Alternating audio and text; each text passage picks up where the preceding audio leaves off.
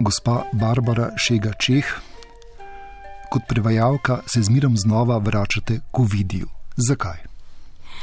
Ovidi, ne bom rekla, da je ravno moj najljubši pesnik, takih pesnikov antičnih, ki so mi ljubi, je več, ampak eh, nekako z Ovidijem sva se spoprijateljila, ker mu je zelo blizu narava, to nama je skupno, ker ima zelo izbrušen jezik, to se pravi njegova uh, latinščina je vrhunska, jaz se pa vedno trudim, da bi tudi prevod v slovenščini bil čim boljši približek uh, latinskemu izvirniku.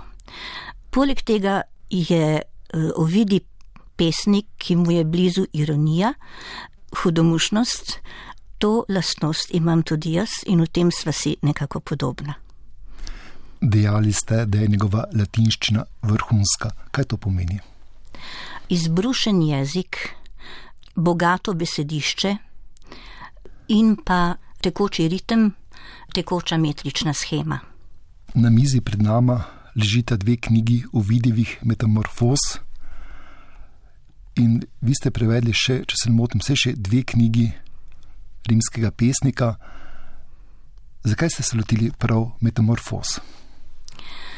Najprej sem seveda začela s preprostejšimi teksti, torej z njegovo pesnitvijo eh, Arsa Maturija, umetnost ljubezni.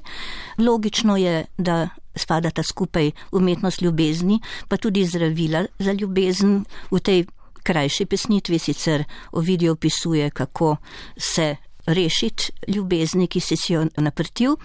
In potem sem prevedla pa še eno čisto kratko pesnitev njega ženskega obraza, ki nekako sodi v ta sklop, eh, sicer se sliši nenavadno, da nek pesnik opeva obrazno masko in to, to celo pesnik v antiki, ampak ne znam zakaj se je ovidi tega lotu in sem prevedla še teh sto verzov, ki sodijo nekako v ta sklop.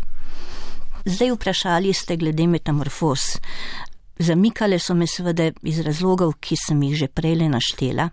To je veličastna pesnitev, ki eh, je sestavljena iz približno 230 preobrazb, obsega čez 12 tisoč verzov in doslej še ni bila v celoti prevedena. Eh, dobršen del je prevedel moj nekdani profesor, akademik dr. Kajtan Gantar, ampak to je še vedno samo izbor.